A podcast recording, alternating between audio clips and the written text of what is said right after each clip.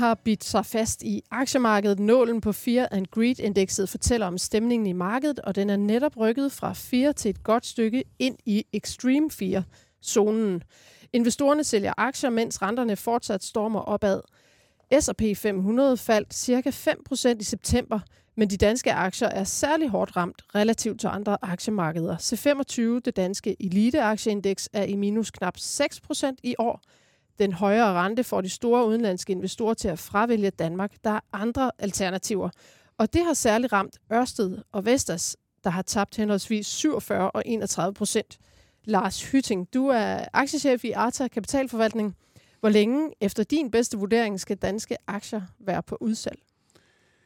Ja, vi bør, øh, jeg, jeg synes, at udsalget snart bør have en, en slutdato her. Øh, efterhånden, som, som vi kan skimte en, en rentetop forud. Altså det her, det, det må gerne snart stoppe. Velkommen. Ja, tak. Og øh, det danske aktiemarked er i Norden faktisk kun overgået i elendigt afkast af det finske, som er nede med 13,6 procent i år. Og så skal vi sige velkommen til en ny stemme i Børsen Investor podcast. Susanna Grete Norild, velkommen. Tak for det, Gro.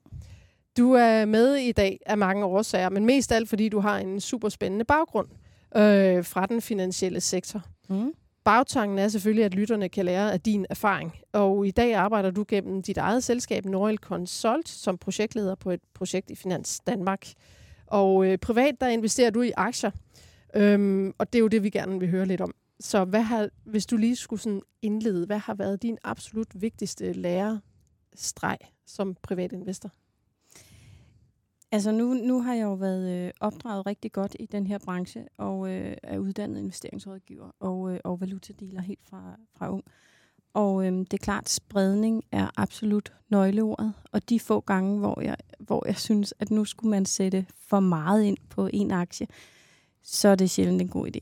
Så, så det, har været, det har været nogle af mine øh, lærerstreger undervejs. Helt sikkert. Har der været sådan et konkret eksempel, du vil fortælle om? Øhm, jeg har været på et tidspunkt øh, lidt en lille smule øh, overeksponeret i flybranchen. Det okay. tror jeg ikke er uh. den eneste. Det skal He- heldigvis kan man sige, at jeg lå på, øh, på 5%, og så bevægede jeg mig op på de her 8-9%. Tænkte, det kan jeg godt. Det kunne jeg godt se, det, det skulle jeg hurtigt hvornår øh, var det? af med. Ja, hvornår var det? Jamen, det var lige, lige omkring, hvor at, øh, covid ramte. Okay. Hvor jeg lå eksponeret på 5% inden, og så skete der jo en masse, så tænkte jeg, jeg, jeg tror på, at den kommer. Så, så jeg, du ved, givet en lille smule op. Og det kunne jeg godt se. Det skulle, det skulle jeg slet ikke. Okay. Det var bare om at vende snuden igen. Vi skal snakke mere om flyselskab i, senere her mm. i podcasten. Mm. Velkommen til. Tak. Simon Kirketab, du er investorredaktør på Dagbladet Børsen, og den statistisk set værste måned på året, historisk set, den ligger bag os. Ja. Øh, når du taler med investorer i markedet, hvad fornemmer du så, at stemningen er? Ah, men det er en hård omgang, vi er igennem lige nu. Altså, øh, jeg kan godt forstå det indeks, du øh, refererer til det, det står, hvor det gør. Så skal vi huske på, når det slår over i det der ekstrem 4, så er det jo tit der, hvor der er mulighed for at samle op, og der kan komme nogle gode rebounds i markedet. Så det kunne være den gode nyhed, jeg kan, kan levere. Men, men det, er hård, øh, det er en hård omgang, og jeg, øh, jeg gør jo meget det. Jeg holder jo meget øje med den her 10-årige amerikanske statsrente og ser, hvordan den agerer. For jeg synes, det er sådan meget, det er meget godt øh, indikator for, hvor meget tryk der er på i markedet, og hvor meget der er i den her bevægelse øh, ud af aktier ind i obligationer i stedet for. Og den skyder jo opad lige nu. Altså, øh, det skulle ikke undre mig, om vi kommer op og ramme en rente på den på 5% inden for ganske kort tid. Mm. Og gør vi det, så har vi altså ikke set så høj en 10-årig amerikansk statsrente siden 1990'erne. Og vi kommer ned fra et rekordlavt niveau. Så altså, der er, der er tryk på derude. Det, er, det, ja. det er ikke super sjovt at være aktieinvestor i øjeblikket. Nej, vi skal prøve at gøre programmet sjovt, selvom det er lidt hårdt at tale ja. i øjeblikket. ja, ja, vi har desværre flere dårlige nyheder med, og vi skal runde. Så. Velkommen. Tak. Og øh, velkommen også til dig, og, eller til alle jer, der lytter med. Mit navn er Gro Højer Tilst.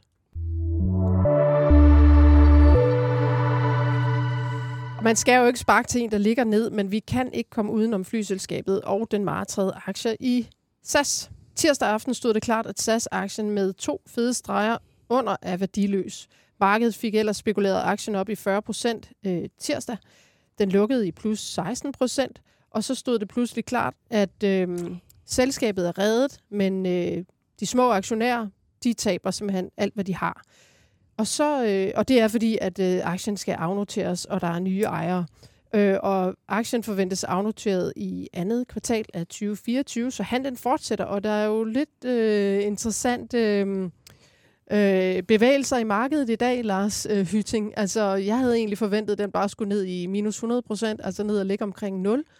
Og så stiger den alligevel. Altså, den falder, men den Ja, er den, åbnede, fra... den åbnede 96 procent ned, Ja. skal nok lige... Og den lå, lå omkring 0,1, nej, 0,01, og nu ligger den i 80 procent nede. 80 procent, den er 0,04. steget. Hvad, hvad foregår der, Lars? Ja, Man kan vel altid klynge sig fast til håbet om et eller andet desperat. Øh, nu, altså, det hører jo med til historien, at, at SAS-aktien gennem mange år har været altså, nærmest spekulationsaktie nummer et. Altså, det er, det er mange år siden, jeg har kunnet forstå, hvad det var, der foregik i den aktie. Øh, altså også markedets værdiansættelse. Jeg har også haft op til flere kritiske artikler omkring, øh, at jeg overhovedet ikke forstår, hvad der foregår. Og, og det her er jo nærmest bare kronen på værket. Altså man kan sige, at kronen på værket er jo også, at nu afnoteres det til ingenting. Og, og det var jo det, som der et eller andet sted lå i luften. Øh. Jeg var inde i går og tjekke øh, på øh, den her handelsplatform Nordnets liste over de danske favoritaktier. Og tirsdag, der var SAS den 6. mest populære danske aktiemål på antal ejere hos Nordnet. Susanna, altså du har jo så... Var det SAS, du var inde i?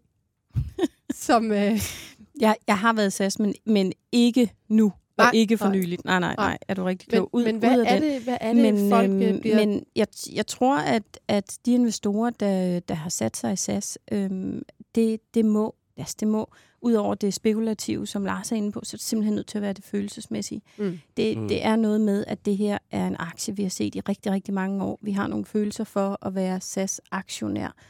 Øhm, og, og så har man set den, hvis man, hvis man ikke er kyndig som værende på udsalg. Den, den har simpelthen været så langt nede, man tænkte, "Da- da- jeg skal lige have noget mere i den. Øh, og så har fornuften altså givet slip på den. Det tror jeg. Og hvad, altså nu taler vi lidt om, altså er håbet ude? Eller Ja, hvad? Ja. Og det har det været længe. Og derfor må jeg sige, Men den stiger Det- jo efter, ja, at den er ja, faldet meget. ja, men det kan vi jo så sidde og glæde os over, Gro, men altså, øh, jeg må desværre sige, at det her det er en af de gange, hvor der sker noget i aktiemarkedet, som simpelthen ikke giver mening. Selskabet har været ude af flere omgange og advarer om, at de her aktier, de bliver formentlig værdiløse lige om lidt. Vi skrev også om det i går her på børsen, at, øh, nu, at nu kom, kommer det her pressemøde, nu kan det være, at aktien bliver værdiløs. Alligevel så ender aktien med at blive handlet op i øh, tirsdagens handel. Så investorerne er på alle måder blevet advaret om, at det var det scenarie her, de så ind i. Alligevel så kan man jo se, at der er diverse artikler ude i andre medier med mindre investorer nu, der er ude og græde over, at øh, aktierne ikke er noget værd. Jeg er ked af at sige det. I var advaret. Det er for sent at stå og græde over nu. Mm. Det var nok Ja, følelserne. Ja, og, men, men hvis man er overrasket over det her, så er det simpelthen fordi, man ikke følger godt nok med i aktiemarkedet. Og så skal man nok genoverveje, om, Mm. om det er det rigtige for en, der overhovedet at investere i aktier, hvis man investerer så meget med bind for øjnene, som nogen har gjort her. Og jeg synes, det er vildt, at det er den 6. største position hos øh, Nordnet. Det Ja, synes jeg virkelig. det er øh, meget overraskende. Desværre, det er desværre de små investorer, der taber her. Der er jo ikke nogen øh, institutionelle investorer, der har vil røre den her øh, aktie med en ildtang igennem årvis, fordi man har set, det har haft kurs nedad. Mm. Mm. Og SAS-aktien er jo bare er jo, er jo en notorisk elendig investering, mm. ligesom rigtig meget andet luftfart er. Jeg har underholdt med, med den ramse før her i podcasten, men altså, det er jo, det er jo, det er jo en af de brancher, hvor at det er aller, aller sværest at hive noget afkast ud af til aktionærerne. Fordi det er lufthavnene, der sætter priserne på, hvad det skal koste at starte og lande. Det er øh, oliestaterne, der sætter prisen på brændstof. Det er flyproducenterne, der sætter prisen på fly. Det er fagforeninger, der sætter prisen på medarbejderne. Meget stærke fagforeninger i, øh, i den sektor her. Og det er øh, leasingselskaberne og bankerne, der sætter øh, prisen på øh, finansieringen. Så er der altså ikke ret meget pricing power tilbage at arbejde med. Og det gør bare, at når man ser over tid, så er der driftstab i den her type selskaber, og de har brug for ny kapital løbende. Og øh, det er ligesom noget til game over nu. Men utrolig trist, at det skulle komme dertil for SAS. Hvorfor er det, man først afnoterer den i andet kvartal af 24? Er det, øh, er det meget almindeligt? Eller? Jamen, altså nu har der været det her pressemøde, men det er jo ikke fordi, at vi så kan sætte to streger under processen. Altså, vi er jo ikke i mål endnu. Altså nu, øh, nu kommer så resten af, af de udstående slagsmål og alt det juridiske. Så der, der er en bid vej nu, før SAS er, er inde over stregen. Men altså, på den positive side, så, øh, så findes der også et SAS i, i 2024, og øh, det er godt for, øh, for en masse medarbejdere, og, og det er jo også godt for os. Øh, vi kan stadig flyve med SAS. Mm. Det, er jo, det er jo et glimrende flyselskab. Det er jo bare ikke profitabelt. Og, øh, og netop derfor så, så er det ikke noget, vi som institutionelle investorer har rørt ved igennem mange år. Og netop derfor, så kan vi nok ikke forvente et investoropgør eller mod SAS på baggrund af det her, eller hvad? Nej, nej, fordi der er jo ikke nogen større institutionelle investorer, der ligesom kan samle sig og, og, øh, og øh, råbe op om, at øh, det er for dårligt det her. Vi vil have noget for vores aktier. Altså, det er jo, det er jo små investorerne, der ligger med de aktier her hovedsageligt. Og øh, jamen, det skal jo så være Dansk Aktionærforening og det tilsvarende i de andre nordiske lande, der skulle gå sammen om det. Og det, jeg tror simpelthen ikke, styrken er til det. Og som sagt, altså selskabet har advaret om det i, øh, igennem lang tid, at øh, vi kunne nå hertil. Men det er da en glædelig nyhed, at, at SAS bliver reddet, og det kommer til at eksistere fremadrettet. Det, øh, Ja, som og dansk statsborger er det i hvert fald. ja, øh, Lad- og det er også et øh, interessant øh, redningsplan. Og øh, jeg synes, noget af det, der overrasker mig mest i den redningsplan, det er, at øh, det er Henrik Lind, stifter af Danske Commodities øh, og ejer af Lind Invest, lige pludselig melder sig som øh, storinvestor her og køber, øh, er det ikke nogen, øh, 8 8,6 procent af aktierne, og øh, kommer vist også med noget lånekapital. Øhm, han har en meget succesfuld track record i det danske børsmarked, øh, og var også med ind omkring Molslinjen, og det blev afnoteret øh, sammen med kapitalfonden Polaris og tjente rigtig gode penge på det.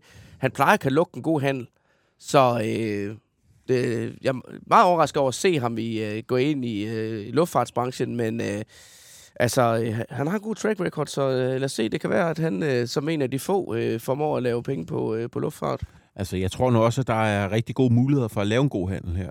Øh, der er jo forskel på det, man kan man sige, det gamle SAS, og så det SAS, der bliver startet op nu med, med penge i kassen, og i, i en sektor, som i øjeblikket tjener penge.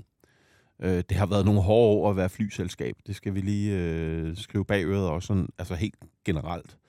Men jeg, jeg tror sådan set, at øh, er ud- udgangspunktet for at lave en god investering her, for de nye ejere, De nye. Ja. er, øh, den er absolut til stede. Godt, lad os. Og, s- og så synes jeg også, det er ret interessant at se, at lige nøjagtigt hans andel gør, at, at flyselskabet bliver mere dansk, Ja. end det bliver noget andet. Ja. Altså, han kommer lige op og vippe den, hvor at så har vi den, den danske stats og ham, Ja. som gør, at deres ejerandel, altså den danske ejerandel, lige bliver lidt større end, øh, end for eksempel Castle Lake, der er også gået ind. Så det er stadigvæk, nu er det et rigtigt dansk Ja. selskab, det kan vi glæde os over. Og en sidste lille note, altså for, for alle de private investorer, så er løbet jo kørt. Altså man får nul og niks for sine aktier. Mm. Men øh, der er vist noget om, at der er et, øh, et fradrag, man kan, man kan huske lige at, at angive på Så sin man- skatteopgørelse. Så man skal sælge. Ja. Af, Ja, ja, altså- altså, hvis man vil have et skattefradrag. Ja, altså nu kender vi jo ikke lige helt, hvordan teknikken bliver i den her afnotering, men øh, hvis der kommer til at eksistere nogle unoterede aktier øh, derude, som sådan set er værdiløse, så koster det jo at ligge med dem, og du har svært ved at realisere dit tab. Så rådet herfra må jo være at se at få, øh, få det solgt og realiseret dit Mm. tab, så du øh, kan komme videre i, i tilværelse som investor, og så kan, kan trække nogle øh, positive afkast fra Ja. i dit tab på SAS. Mm. Og giv dig selv en gave. Tag med SAS ud og rejse et eller andet sted. Ja, Vi, skal, vi, skal, vi skal videre, og øh, Brødrene Hartmann, det er jo en aktie, som for alvor har sat følelserne i spil også. Øh, den her emballageproducent, øh, ja. ja, den kom, de kom jo 19. september øh, med et, og jeg siger objektivt set, provokerende tilbud for, fra storaktionæren Tornico om at købe de resterende aktier for 300 kroner, hvilket var 1 krone under ja den aktuelle styk, kurs. per styk. Ja, per styk. Hovedaktionæren vil afnotere selskabet og ser sit snit til at gøre det nu, hvor kursen er attraktiv lav, set ud fra tidligere kurshistorik og ud fra nøgletal og fundamentale betragtninger eller beregninger, øh, som flere aktionærer har foretaget, blandt andet vores egen paneldeltager Ole Søberg. Øh, købstilbuddet har nærmest sat gang i netop et, et vester øh, Det må man sige. oprør, ikke? Og kursen er siden øh, det her købstilbud blev øh, givet, steget med knap 9 procent. Simon, vil du ikke lige tage os omkring, hvad der er sket den seneste uges tid? Øh, Jo, men jeg kan jo lige tilføje, at øh, det er jo så den ene gren af den her øh, konstruktion, der siger, at det er, det er for billigt. Christian Stadil og Tornico er jo ude og argumentere for det modsatte mm. Og sige, at de synes, det er en færre pris. Ja. Så øh, det er to fronter, der står øh, skarpt mod hinanden. Øh, jamen, nu har vi jo snakket om den her øh, sag nogle uger her i podcasten, og øh, U1, der sagde jeg bare kort det her med, at jeg var spændt på at se, om den gled glat igennem hos øh, aktionærerne.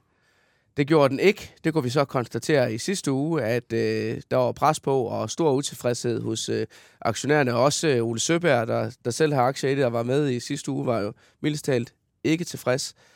Øhm, og øh, det vi jo har arbejdet meget på her på børsen, øh, det er jo meget vores øh, kolleger Emil og øh, Nina og Signe, der har siddet med den sag her. Men øh, det er jo det der med at prøve at veje stemningen i aktionærkredsen bag. Og der er jo, øh, der er jo en, en række større investorer, der har meldt sig på, på banen.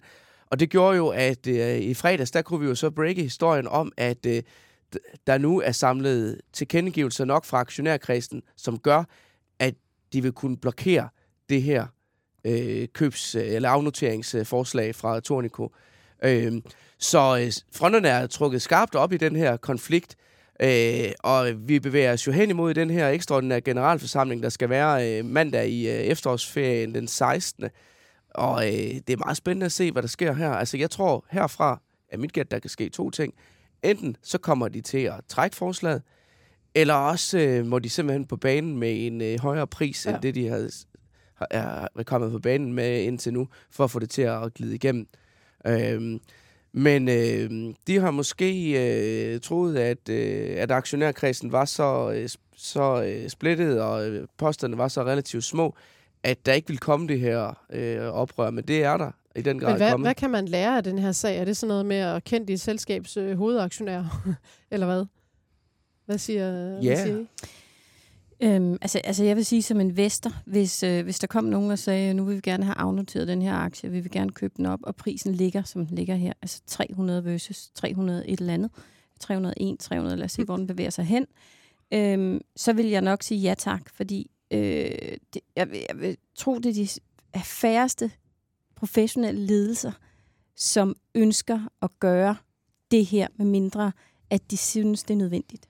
Så det vil sige, hvis, hvis ikke det her sker, hvad, hvad er det så, vi ser ind i, i fremtiden i det her firma? Øhm, ledelsen ser ikke ind i noget, hvor de mener, at øh, værdiskabelsen bliver meget højere for aktionæren i hvert fald.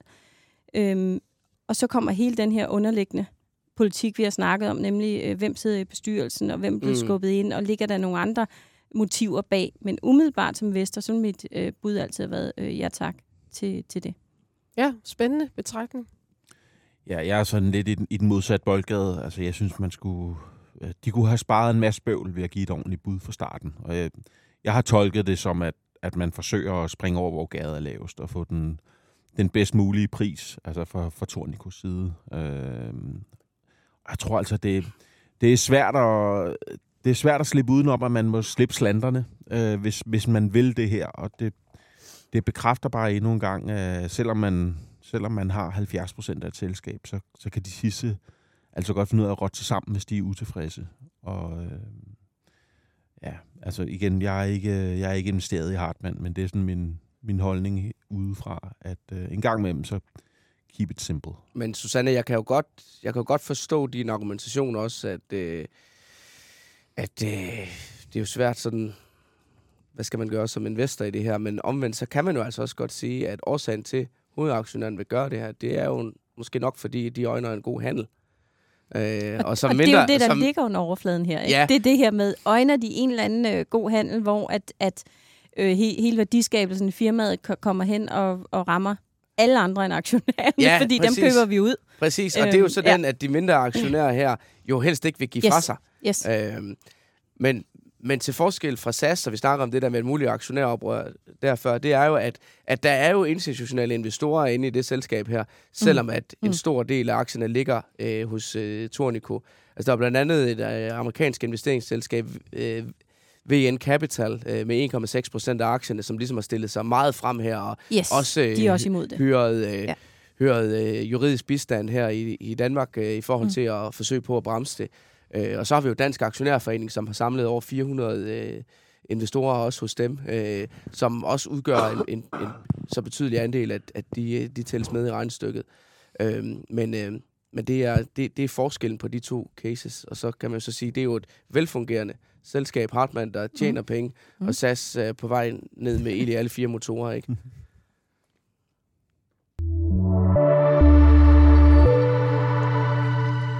Susanna, i 15 år har du øh, arbejdet i den finansielle sektor i back-office og operations-funktioner, som jeg vil omskrive til maskinrummet, øh, mm. hvis det er okay.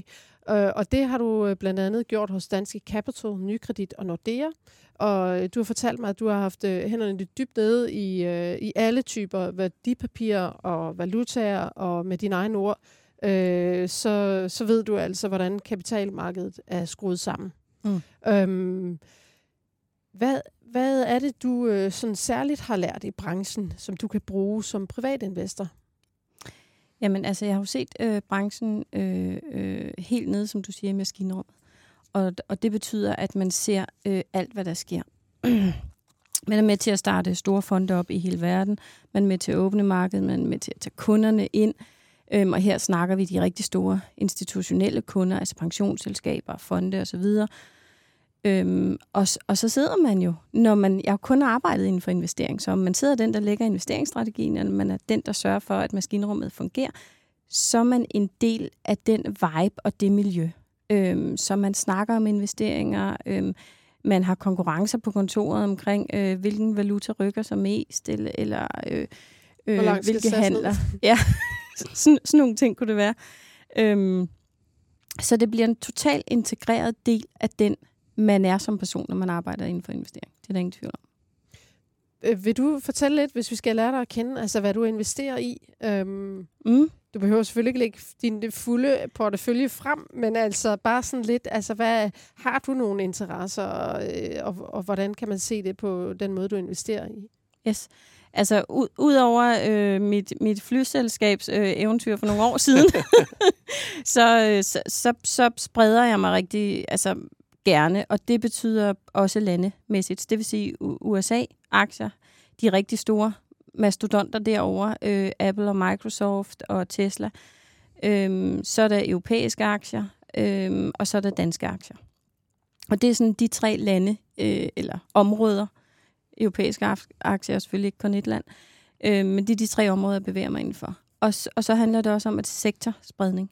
Mm. Øhm, og øh, øh, hvis man får lyst til at lave noget sjovt, så så min hovedregel, det er 10 procent. Altså, d- man laver ikke noget sjovt for mere end 10 procent af ens portefølje.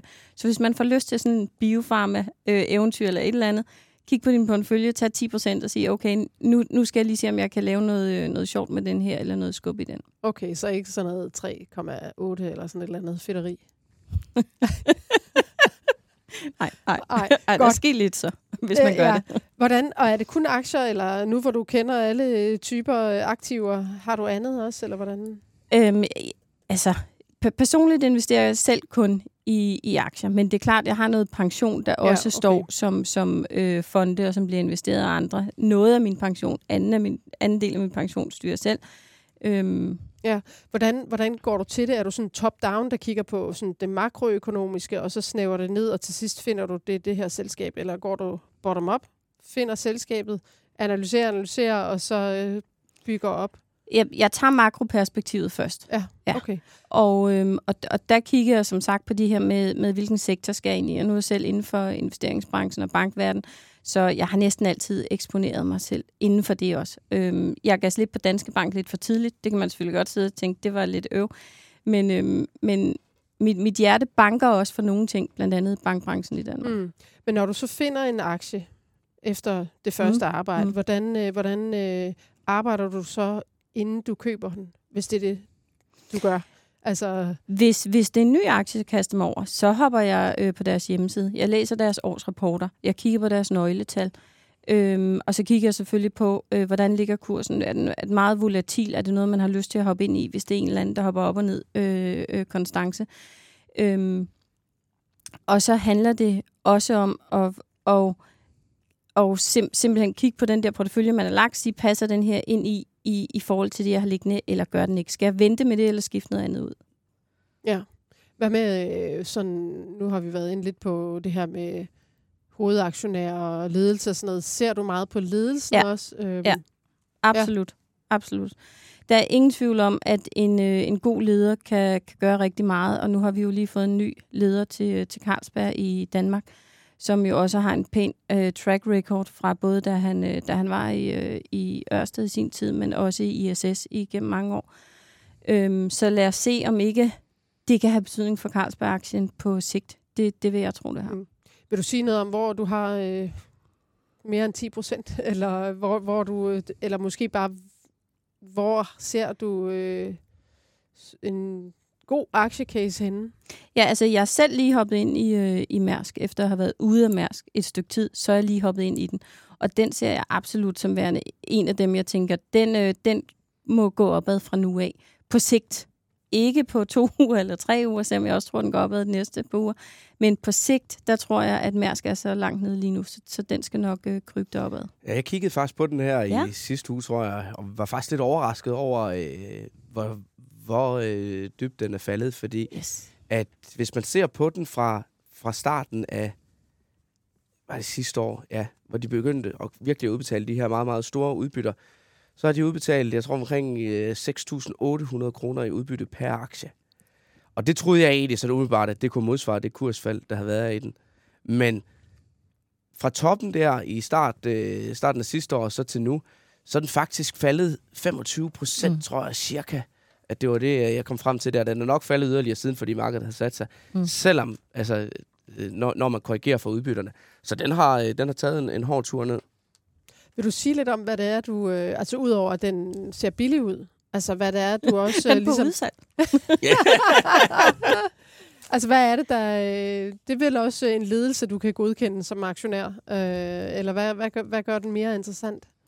Altså for det første er den dansk, og jeg, jeg synes som investor, der, det, det danske fylder meget hos mig. Det er dansk, det er et stort selskab, det er et traditionelt selskab, og de formår alligevel at forny sig gradvist. Øhm, det, de, det er sjældent, de står helt stille over en længere periode. Øhm, så, så, så, så det er også en af årsagerne Mm. til, at det er en aktie. Jeg tænker, nu er den faldet så meget, så, så nu er den nødt til snart at vende igen. Ja. Sætter du... Ja, undskyld. Så må vi nødt til lige at høre, hvad Hytting Ja. ja. han egentlig tænker om øh, Mærsk. Jamen, øh, altså, det er jo, retterne er jo ikke lige frem med Mærsk, kan man sige, men, men det er jo et selskab, der har gennemgået en stor transformation og er gået fra det her konglomerat til nu at være, være noget, vi faktisk kan, kan regne på, øh, uden at skulle øh, lægge discount ind til højre og venstre. Så, så ved vi faktisk, hvad Mærsk er den dag i dag, og øh, der har været et par ekstraordinære år øh, i forbindelse med corona, hvor der er blevet skovlet penge ind.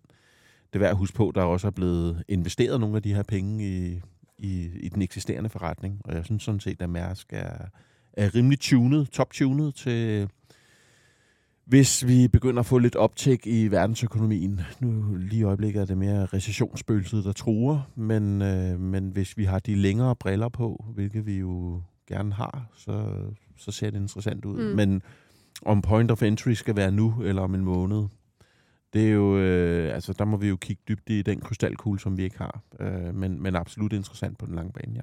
Og husk, at det er ikke timing, men tiden i, i markedet, der spiller. øh, Altid. ja. Susanne, har du så et øh, kursmål, du øh, sigter mod, eller hvordan arbejder du med det? Nej. Eller, Nej. Nogle gange så laver jeg en, en exit-strategi, altså på de længere, og siger, okay, nu, nu har jeg været oppe, Hvor- hvornår tænker jeg, jeg skal ud af den her? Øhm, så, så jeg arbejder mere med en exit-strategi på, på de forskellige, og jeg har sjældent mere end, end 15 aktier i min portefølje ad gangen. Øhm, så, så jeg kan holde øje med nyhederne og se, og se hvad der sker i selskaberne. Og, og så hver gang det stiger, så bliver man jo glad. Tænker, det er mega fedt. Der, der, der kommer lige noget mere øh, værdi for ens kapital. Og så lave en eller anden exit-strategi. Og, og så måske lægge lidt cash, indtil du finder ud af, hvad det er næste, du skal ind i. Men en exit-strategi, hvad, hvad, hvordan strikker du den sammen? For eksempel Danske Bank nævnte du den, var du måske gået ud af lidt for tidligt. Hvad, var, hvad, hvad lå bag den exit-strategi? Ja, hvad lå bag det? Nå, man ja. ser tilbage. Puha, dårlig timing, må man jo nok sige. Men øh, selve exit-strategien var, at, at man, jeg var kommet derop, hvor jeg tænkte, det kører rigtig godt for Danske Bank. Jeg har tjent øh, rigtig mange penge på den her aktie. Nu hopper jeg ud og ind i noget, noget andet. Øhm, og sk- skulle jeg være fortsat op til den, til det, selvfølgelig skulle jeg det. Men, øh, men det gjorde jeg ikke. Nej, men øh, hatten af, for at du alligevel plukket en aktie, der steg. Godt. Men øhm, jeg håber, at øh, vi kan tale meget mere om øh, dine investeringer og bruge øh, din viden. Men lad os hoppe øh, videre i programmet, fordi der er mange andre spændende ting, vi lige skal runde.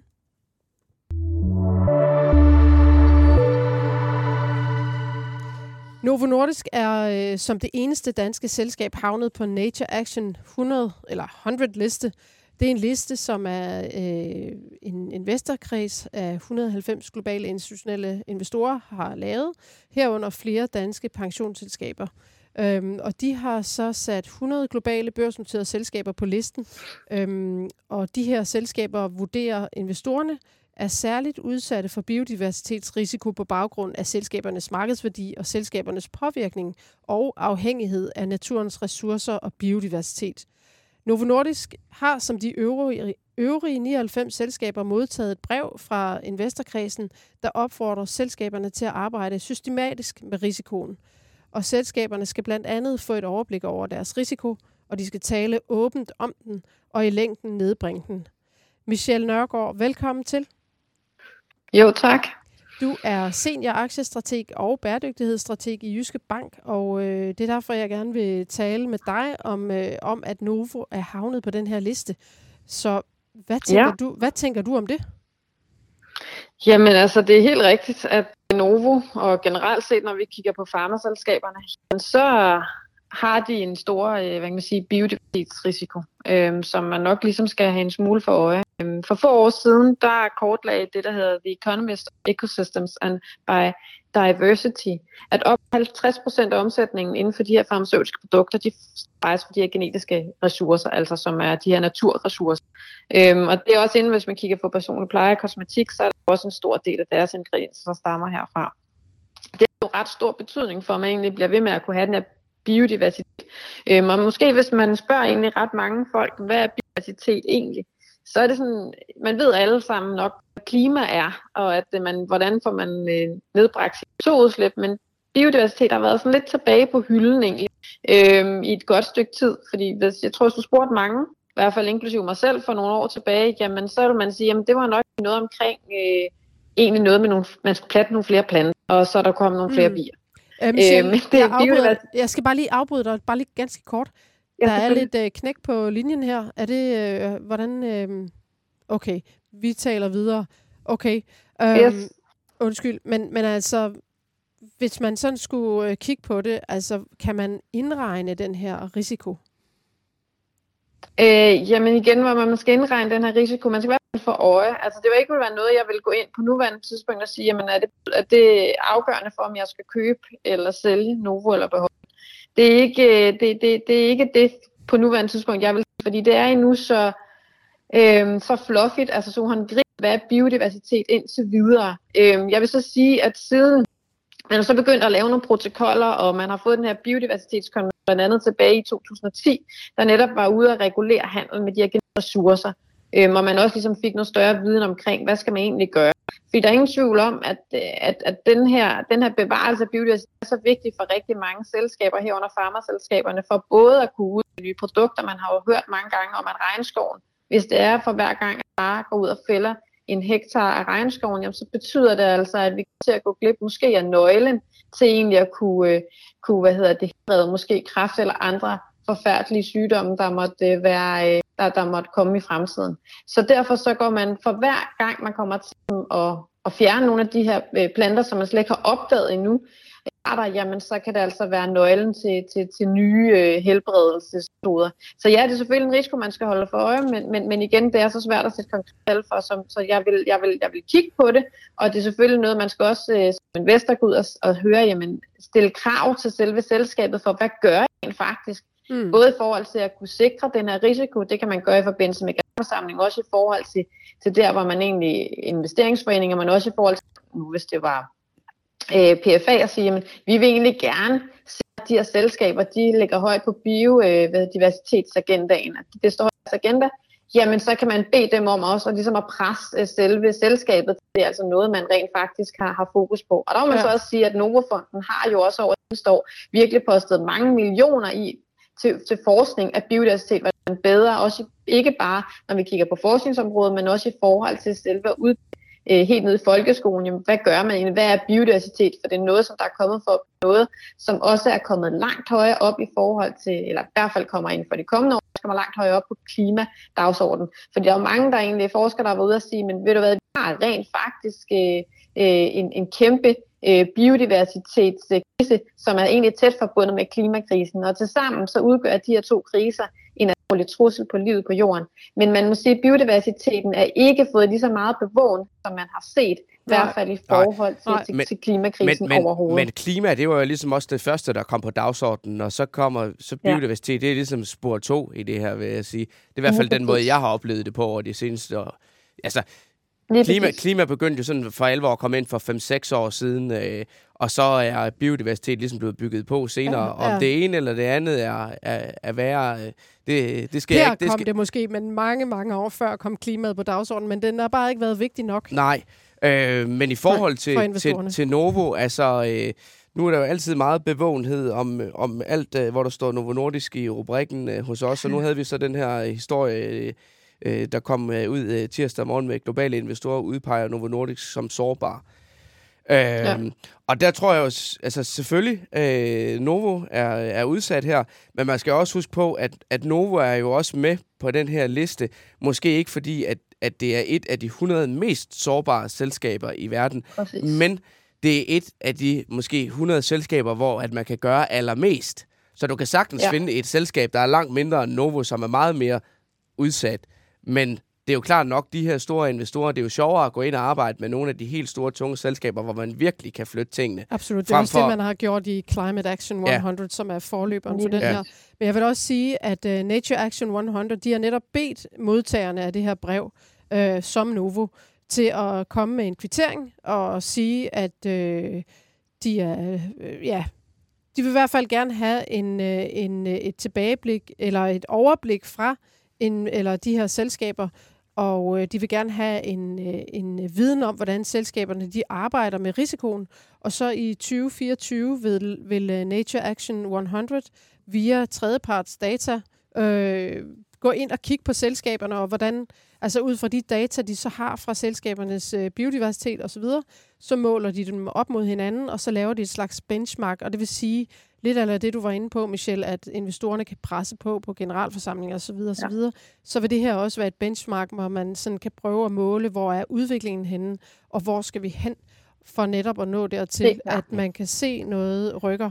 Ja. Øh, og så er det jo klart, hvis man har nogen, fat i nogle af de store, så, så får man også sat mere øh, i bevægelse. Nu er det jo store internationale øh, institutionelle investorer, der, der, der står øh, sammen i den gruppe her. Vi har jo en institutionel investor med i studiet her i dag, Lars Hyding og Arta.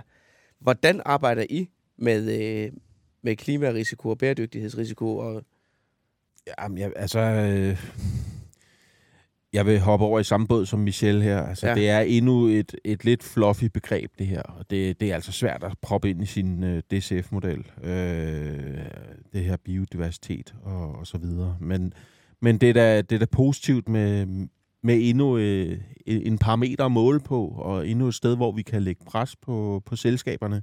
Altså i bund og grund ønsker jeg jo bare, at, uh, at verden skal blive et bedre sted, og alle skal opføre sig ordentligt. Og, og det her er så endnu et bidrag til, til den løsning. Øh, så positivt, men i forhold til værdiansættelse, så, så er det ikke noget, svært. jeg... Det er altså ikke noget, jeg lige går hjem og, og knaster ind i mit Excel-ark, det her. Men, men det er da noget, jeg vil holde øje med. Ja. ja. Og, og så vil jeg så også sige, den her, den her Nagoya-protokollen jo, som der blev vedtaget tilbage i 2010, den har jo netop været inde og sige, de virksomheder, som udnytter ressourcer, for eksempel vi tager, der er mange ressourcer jo i Afrika, jamen så øh, udnytter de ressourcer til nye produkter, men der, skal, der er de forpligtet til landene at dele udbyttet med de lande eller befolkningsgrupper, hvor man finder de her ressourcer. Og samtidig skal de også ligesom give dem viden om, hvad er det egentlig, som der sker, hvordan kan vi være med til at fastholde den her biodiversitet og, og klima, som vi egentlig har. Og det er en ret vigtigt i forhold til det, fordi det er jo en win-win, fordi for det første så sikrer du rent faktisk som selskaberne, at du ikke du får lov til at kan, kan forhåbentlig blive ved med at få de ressourcer, fordi at at befolkningsgrupperne de bliver, de bliver øh, hvad hedder det, uddannet i, hvordan skal de blive ved med at sikre den biodiversitet, og de afgrøder, de bliver ved med at komme, som ikke bare brænder man af, som vi har set, når vi ligesom fælder regnskov, så brænder man ligesom jorden af. Øhm, men at man rent faktisk kan blive ved med at dyrke på det her jord, som man bliver ved med at sikre det her biodiversitet. Så det er en win-win i forhold til begge, både landene dernede, hvor man henter ressourcer, men samtidig også i forhold til, at man kan sikre, at den her risiko, den altså kan reduceres, fordi man kan blive ved med at få de her, øh, de her ressourcer også i fremtiden. Men det kræver en rigtig, rigtig meget øh, uddannelse af, af alle led Yes. for at nå der til den erkendelse. Øh, Michelle Nørgaard, tusind tak, fordi vi måtte øh, ringe til dig. Det er mig, der takker. Det er godt. Ha' det godt.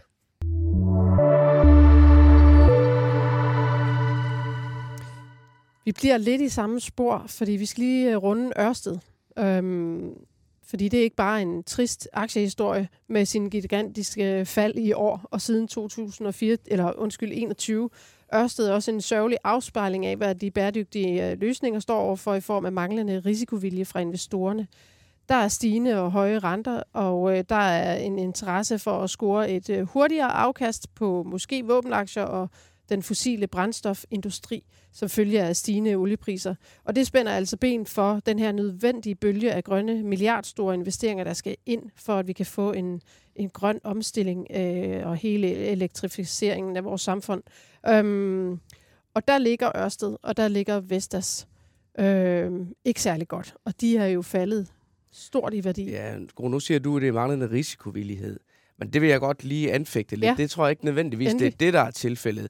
Altså problemet er jo også, at man skal jo kunne regne de her projekter hjem. Og når at øh, lånefinansiering lige pludselig er meget, meget dyrere, end den var for øh, to-tre år siden, jamen så er der en masse projekter, der ikke er lønsomme mere. Og øh, du kan få afkast, der er, øh, du kan få obligationsafkast i dag, der er, øh, der, der, der er ret interessante. Så det gør jo bare, at altså, risikovilligheden er der jo, men man vil jo have et afkast. Mm-hmm. Og når man Mhm. kan få, få, øh, få større og Men sikker på afkast... lang sigt er den dog. Så det er jo et spørgsmål om, hvor lang ens vilje så er. Eller hvad? Man kan jo godt Øh, Jamen, det ved jeg ikke. Om, hvis du har nogle projekter, som giver øh, 3% i, øh, i afkast, øh, men du skal betale 5% i rente, så er der jo ikke på lang sigt noget afkast. Øh, og det er jo lidt det, Ørsted er ude i med nogle af de nedskrivninger, de har været ude at lave. Det er jo, det er jo nogle projekter, de har sat i søen øh, for år tilbage, da renterne var ikke eksisterende, og til nu, hvor at øh, renterne har flyttet sig, og de kan, ikke, de kan ikke kalkulere dem hjem længere. Og derfor har de været nødt til at måtte ud og nedskrive de her først 5 milliarder i slutningen af august, og hvor, hvor de også meldte ud, at, at det kunne komme op på 15. Så det er jo bare forudsætningerne, der har ændret sig dramatisk for den her type projekter. Det, så projekterne skal simpelthen være bedre det og afkastene højere. politiske for, at de subsidier, eller hvad?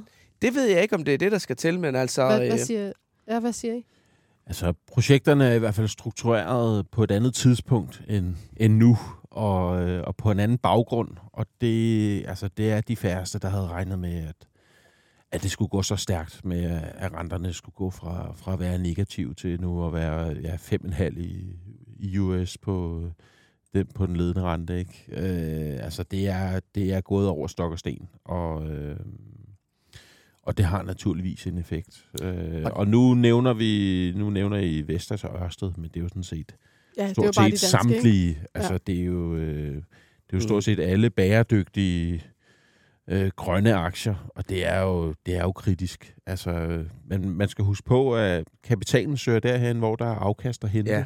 Og, og lige nu der er bare noget usikkerhed, fordi hvad, nu Ørsted øh, som et glimrende eksempel har nedskrevet for 5 milliarder, men skal der nedskrives mere? Og, øh, og er der en kapitaludvidelse på vej? For eksempel, bare Mm. for at nævne noget. Og det er altså nok til, at, at investorerne nærmest med, med bind for øjnene flygter ud af det her. Og du kan jo se Ørsted-aktien som eksempel, at når renterne kører op, så falder den. Altså nu har vi haft øh, mandag tirsdag i den uge her, hvor at, øh, at renterne er kørt øh, kraftigt op. Og hvad er der sket? Ørsted er faldet 12,5 procent. Ja. Det er ene og alene et rentegame lige i øjeblikket, og, så, og sådan er markedets fokus. Det, øh, altså, det er benhårdt. Øh, jeg synes også, det, jeg synes faktisk, det er rigtig trist at, at overvære det, der foregår lige i øjeblikket, fordi altså pessimismen er virkelig til at få, få øje på inden for hele det her bæredygtige område. Og, øh, men hey, det er jo også kun vores planet, det handler om. Så, øh, Lige præcis. Så hvad, altså, hvad, det hvad er kan jo, der øh, ske? Altså, hvad, hvad er det, så der det skal er jo, til? jamen, problemet er, at uden kapital, så sker der ikke noget. Altså, Men hvem, altså Værdien- kapital er andet end øh, Gordon, øh, Gordon Gekko og Greed is Good. Altså, det er også kapital, der får ting til at ske. Mm. Og vi risikerer, at, at der er rigtig mange ting, der går i stå, fordi at øh, kapitalen er på vej ud af det her. men Øh, er, er vi ikke enige om, at, at det her, det ved folk godt? Altså i hvert fald dem, der tager beslutninger. Så hvad, hvad skal der ske for at kunne vende udviklingen? Jamen, altså, det, er jo, det er jo... Hvis vi går et par år tilbage, så handlede det politisk, så var det øverst på, agenda, på agendaen, ikke? Den, den grønne omstilling. Vi skal redde vores planet, og alt det her rigtig, rigtig positive ting. Verden skal blive til et bedre sted. På ingen tid, så har vi så fået en, en, en inflation, der stak fuldstændig af, og der var øh, en leder over i Rusland, der også stak fuldstændig af på fornuftighedsskalaen og invaderede Ukraine. Og det gør bare, at, at fokus, også rent politisk, bare er skiftet fra grøn omstilling til bekæmpelse af inflation og bekæmpelse af Putin. Og, og vi kan jo, altså rent politisk, det er dumpet ned på tredjepladsen. Det får mindre opmærksomhed, og, øh, og derfor får det nu også ja, indirekte mindre opmærksomhed i markedet. Der var så mange selskaber, der gik på børsen, der hentede ny kapital, mm. nye forretningsidéer, nyt alt muligt, og, og det var nærmest som om, at bare noget indeholdt ordet grønt. Så kørte det. Så kørte Ja. det bare, og- det er også unaturligt. Nu er det så øh, kunstig intelligens. Hvis noget indeholder AI, jamen så er penge efter det. Øh, og alt, hvad der er grønt og bæredygtigt, det er gået fuldstændig stå. Der kommer ingen nynoteringer, der sker ikke noget. Og det er, en, øh, det er noget, vi meget gerne skulle have vendt. Fordi Ja. hey, som sagt, det er kun vores planet, det handler om. Susanne, hvad med din baggrund? Hvad altså, ser du så i forhold til den her problematik? Jamen, der, der er ingen tvivl om, at, at det vi har set, det er, at der var en kæmpe kapitalvillighed til at gå ind i de grønne, som, øh, som Lars også siger for nogle år siden. Og, og det betyder også, at firmaerne, altså Ørsted Vestas, de lagde nogle rigtig, rigtig store planer. Og det var de ikke de eneste, der gjorde. Så de lagde rigtig store planer øh, om nye projekter og har skudt en hel masse i gang. Og den vending, som økonomien har taget, har altså gjort, at, at mange firmaer, og nu kan jeg selvfølgelig ikke komme ind på hvilke, men der er rigtig mange firmaer, der har været ude og se, om de ikke kunne finde øh, nye kapitalveje øh, andre steder. Fordi at de betingelser, de troede, de stod i, Mm. har vist sig at være nogle helt andre betingelser. Øhm, og som investor, så står du der på bølgen op og tænker, at det hele går godt, og jeg investerer grønt, og firmaerne Vestas og Ørsted, de skyder bare det opad. Og så på et eller andet tidspunkt, så, øh, så er der ikke no, nogen kapitalvillighed til, til projekterne mere, og så må man redde det, man kan. Og jeg tror, det er det, vi ser lige nu, at det er to virksomheder, der redder de projekter. De kan og prøver at lave den helt klassiske øh, god ledelse for de her firmaer. Og det skal nok betale sig på sigt, men det betyder altså, at investorerne, de, øh, de flygter ud af dem i øjeblikket. Merck og Alibaba ligger i vores All-Star portefølje, og de to aktier, de er faktisk også at finde på den her Nature Action 100, oh. bare lige for at slå en krølle på den. Øh, men øh, lad os kigge på vores øh, portefølje, øh, og den er jo øh, sammensat af aktier, som vores øh, faste øh, paneldeltagere, blandt andet dig, Lars Hytting, har valgt. Øh, ved årsskiftet fik I 600.000 kroner stillet til rådighed af Saxo Bank. Simon, hvordan ser det ud? Ja, jeg synes jo faktisk, det har været sådan lidt øh, tung omgang i podcasten her i dag, og det kan vi jo så fortsætte med, øh, nu når vi skal runde porteføljen. Fordi det har været nogle, øh, det har været nogle hårde uger på, på markedet, og det kan vi da også øh, aflæse i vores portefølje her. Da det gik allerbedst, der var vi oppe og snuste til en porteføljeværdi på 720.000, så der havde vi armene øh, godt op over hovedet der. Men øh, halvdelen af vores afkast er forsvundet nu. Vi er nede på en porteføljeværdi på øh, 660.000. Og det er jo gået noget ned siden i, øh, i sidste uge. Altså, øh, jeg kan lige prøve lige at tage og se, om jeg lige kan finde det, øh, finde det her, hvor vi lå hen i sidste uge. Der, var vi, øh, der lå vi omkring 690-680.000. Så der, der er altså røget lidt øh, den seneste uges tid. Og det er jo simpelthen bare øh, det her generelle negative marked, der rammer direkte ind i vores portefølje også. Så der er ikke, der er ikke de sådan store, glade historier at fortælle, desværre. Øhm, det er der simpelthen ikke. Har du nogle øh, tanker i forhold til dine øh, aktier, Lars? Øh, nej. som er ISS og GN. Det har heller ikke været den bedste uge, men øhm, det, øh, jeg er stadig overbevist om, at der venter gode tider forude. Men øh, det er et lidt surt marked i øjeblikket. Det, det er det. Øh, det er ikke det bedste miljø for aktier med, med renter, der er så høje. Det er bare et faktor. Vi kan lige runde TGS, som vi har talt en del om øh, i de seneste episoder, som er vores øh, senest tilkommende aktie. Ole Søberg har købt den, øh, skiftet Hexagon Composite ud, som var vores helt store aktie stjerne. Um, den har vi tabt 3,5 procent på nu, så ikke den aller, aller bedste start øh, med den aktie, men øh, dog heller ikke noget, der sådan har, har heddet tæppet væk. Øh, øh, af urealiseret tab, øh, der er det faktisk ISS, øh, der, der trækker allermest ned lige nu. Der har vi tabt øh, 16,2 procent på, siden vi købte den sidste år. Så det ja. kunne godt trænge sig lidt medvind. Ja, ganske. Det, øh, men øh, Susanna, vi har Danske Bank, i den, den er vi der i plus på. Så øh, det... Øh, sådan, sådan. Øh, men hvis du vil, så kan du lige prøve lige at se uh, vores uh, portefølje her. Der ligger 12 aktier i alt. Uh, er der nogle af dine navne her, du sådan kan genkende og synes er, uh, er interessante?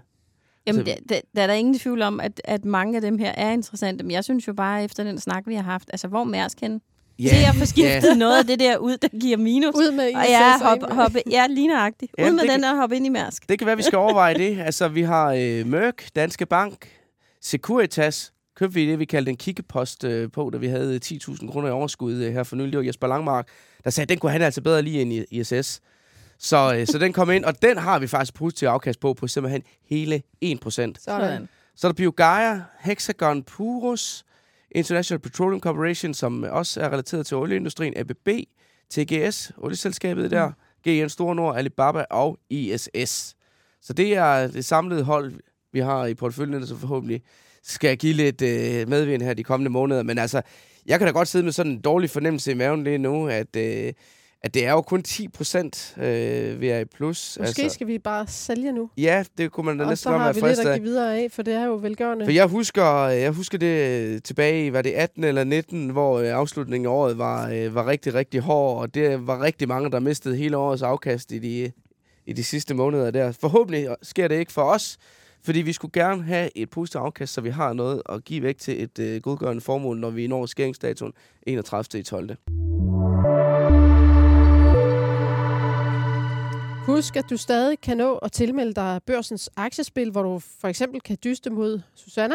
Du er en del af, øh, af aktiespillerne her, og, øh, og det skal du øh, nå at gøre øh, inden torsdag, hvis altså du vil være med til at, at øh, dyste om, om præmierne, der er sat øh, på højkant. Øhm, om ikke andet, så bare for at prøve tak- øh, taktikker og vilde idéer af for legepenge. Til dig, der lyttede med, husk at blande inspiration og idéer fra andre med lige dele sund skepsis og egne analyser. Tak til jer i studiet, Susanna Grete Nordel, privatinvestor og indehaver af Nordel Consult, Lars Hytting, aktiechef i Arta Kapitalforvaltning og Simon Kirketerp, hoved, eller investorredaktør, hovedredaktør. det er en ny titel. Nej, det var da altid flot titel. investorredaktør på Dagbladet Børsen. Arjuna Alexander Koldkur Sørensen stod for teknikken. Mit navn er Gro Højer Tilst. Tak fordi I lyttede med.